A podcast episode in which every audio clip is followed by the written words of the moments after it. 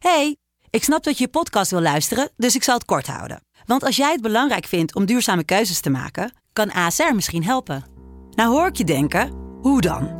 Nou, bijvoorbeeld bij het duurzaam herstellen van schade. Of de premies die we beleggen volgens ons duurzaam beleggingsbeleid. Dat bepaalt waar we wel en juist niet in investeren. Wil je meer weten over welke duurzame keuzes ASR maakt? Ga dan naar asr.nl slash duurzame keuzes. ASR doet het. Zo, dan kan je nu lekker naar je podcast luisteren. In 9 van de 10 verzorgingsproducten zitten microplastics. Dat zie je niet altijd meteen. Ze zitten namelijk in de kleine letters van je ingrediëntenlijst. Dat is een groot probleem voor zo'n klein stukje plastic. Die microplastics zitten namelijk inmiddels overal, in de natuur en in je lijf. Gelukkig zijn er ook merken die gewoon microplastic vrij zijn. Want dat het anders kan, dat weten we bij Weleda, Lekker Company, Marcel's Green Soap, Naïef, Smaal en Witlof wel. Dus check de kleine letters. Die hebben de grootste impact. De stroom.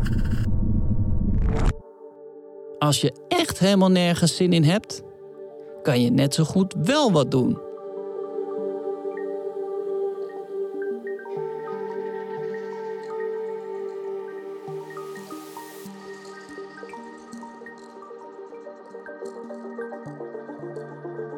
Je luisterde naar professionele tips voor een comfortabel leven. Ik hoop dat je wat aan deze tip hebt gehad.